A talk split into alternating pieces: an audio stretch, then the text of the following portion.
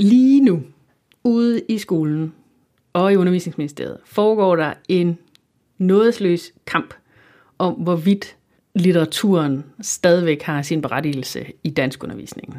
Og det har den. For fuld smadre. Den er vigtigere end nogensinde før. Dette er første afsnit i en serie af tre, hvor henholdsvis en lærer, en lektor fra læreruddannelsen og en professor i uddannelsesvidenskab bidrager med kommentarer til den norske litteratur- og literacy-forsker Sylve Pennes artikel Literacy, litteraturundervisning og en skole for alle. I det her afsnit møder du Ida Gerts Jensen, der er dansklærer på Vestegnens Privatskole og næstformand for Dansklærerforeningens bestyrelse for folkeskolesektionen. Vi har bedt hende læse Sylvie Pennes artikel og kommentere på de problemer, som artiklen sætter under debat.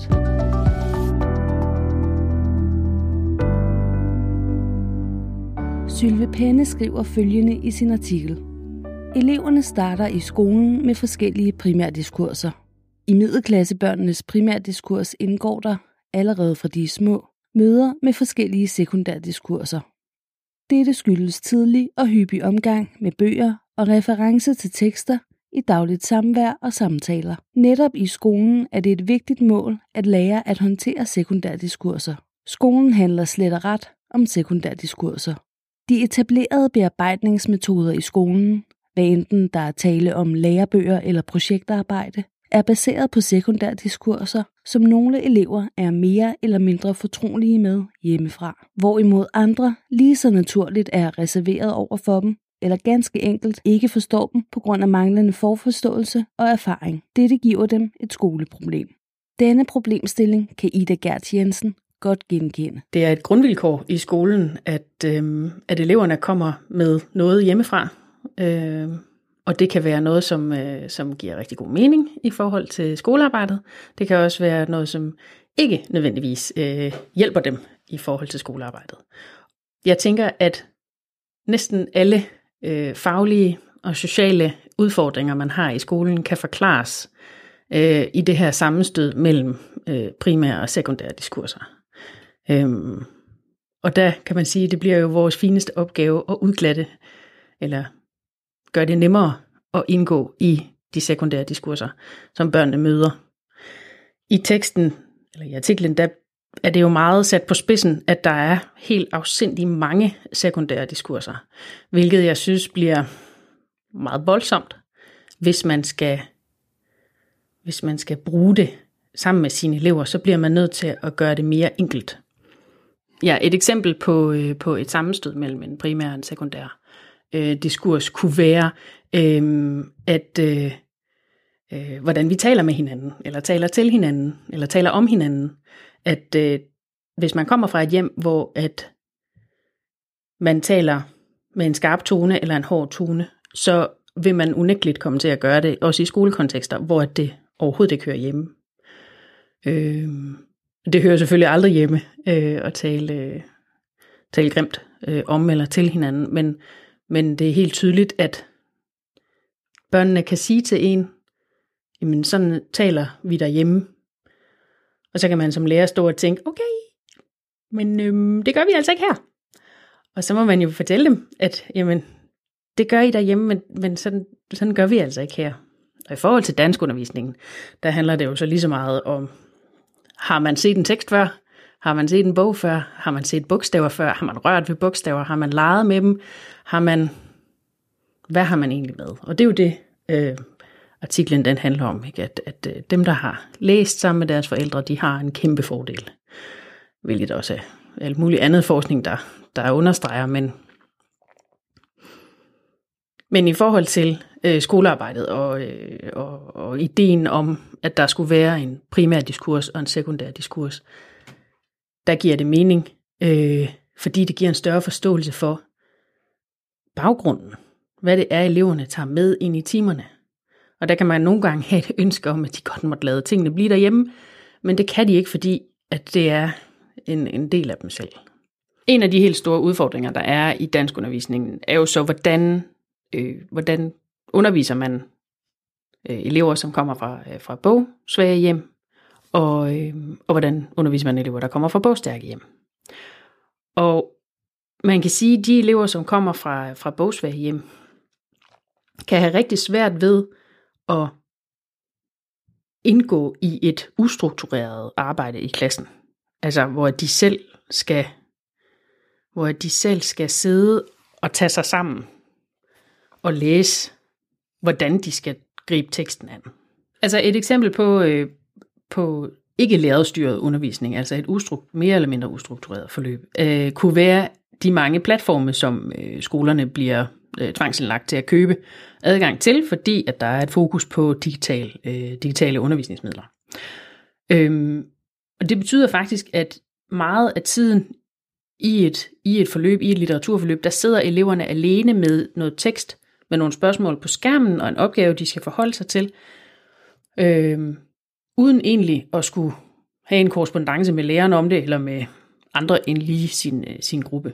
Og, og det, øh, det kan godt gå hen og blive svært for dem, fordi at det kræver både et overskud at skulle sætte sig ind i selve opgaven, og så også læse den tekst og forholde sig til den her tekst. Men det er klart, at øhm, det er klart, at undervisningen øh, i litteratur med, øh, med elever fra bogsvage hjem kræver forforståelse, arbejdet med forforståelse, ordlister, at man fortæller og genfortæller de tekster, man skal arbejde med, og at man lærer dem, hvordan de skal gå til en tekst. Om det så er med en huskeliste, der ligger ved siden af dem, eller man, hvad hedder det, at man konsekvent kommer ned til dem og, og, øh, og tjekker op på dem. Det, det kommer jo an på den enkelte klasse og de enkelte elever, man nu har med at gøre. I forhold til øh, undervisningen af, af de elever, som kommer fra, øh, fra bogstærke hjem, øh, kan de jo indimellem blive ret klemt, fordi at øh, der er både en inklusionstankegang i, i folkeskolen lige nu, som, øh, som gør, at øh, ressourcerne er få, men jeg mener sådan set ikke, at, at, øh, at der skal det store til at huske dem. Fordi der er mange af de ting, man vil gøre øh, med de med elever fra bogsvage hjem, som også vil være super fede for de elever, der kommer fra bogstærke hjem. Altså for eksempel forforståelsesarbejdet. Det kan aldrig nogensinde være en, øh, en dårlig idé. Men så handler det jo også om undervisningsdifferentiering. Ikke? Altså at man stiller nogle andre, at man stiller nogle andre krav til de elever, som øh, som i forvejen har noget med hjemmefra. Og det kunne for eksempel også være omkring metasprog, når det er, vi har litteraturarbejde, jamen at de skal bruge begreberne. De skal kalde det det, det er. Og det kan være rigtig svært for dem, faktisk, når man beder dem om det.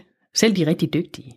I artiklen Literacy, litteraturundervisning og en skole for alle, trækker Sylvie Penne på UNESCO's definition af literacy der definerer literacy som evnen til at identificere, forstå, fortolke, skabe, kommunikere, beregne og bruge trygte og skrevne materialer i forskellige kontekster. Sylvie Penne supplerer denne definition med teorier fra James Paul G. og den amerikanske litteraturforsker Robert Scholes. De bruger begge metaforen textual power som betegnelse for det enkelte individs mål med skole og uddannelse i informationssamfundet. Ida Gerns Jensen finder også literacy-begrebet brugbart.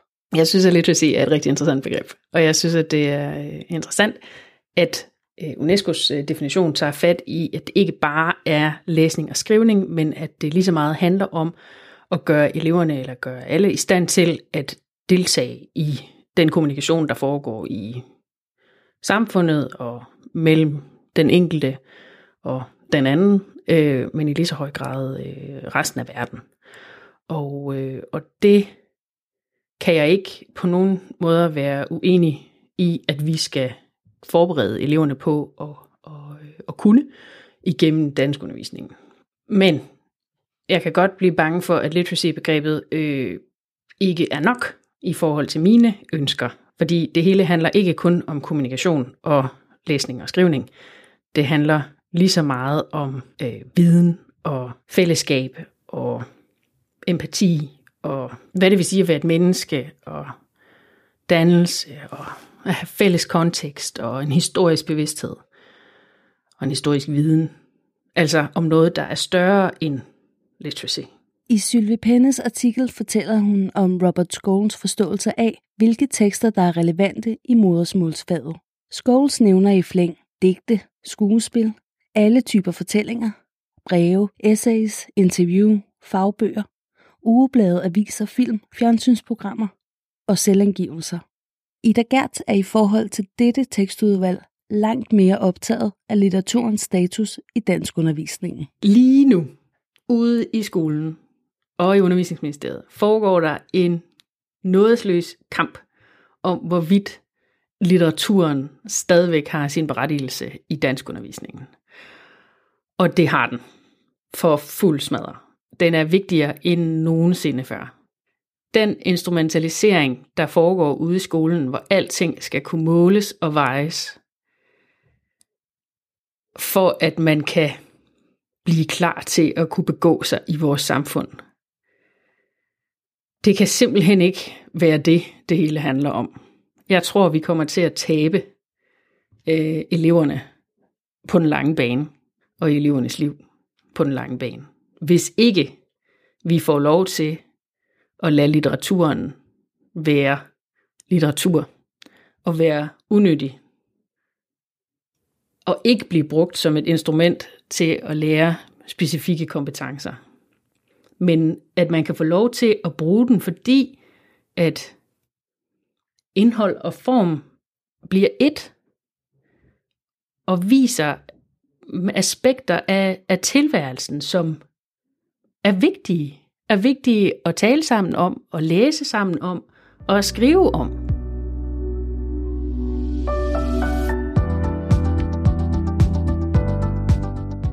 Du har lyttet til en podcast produceret af Siri Bunde for Nationalt Videnscenter for Læsning. Du kan finde Sylvie Pennes artikel plus en masse andet materiale på Videnscenterets site literacy.dk.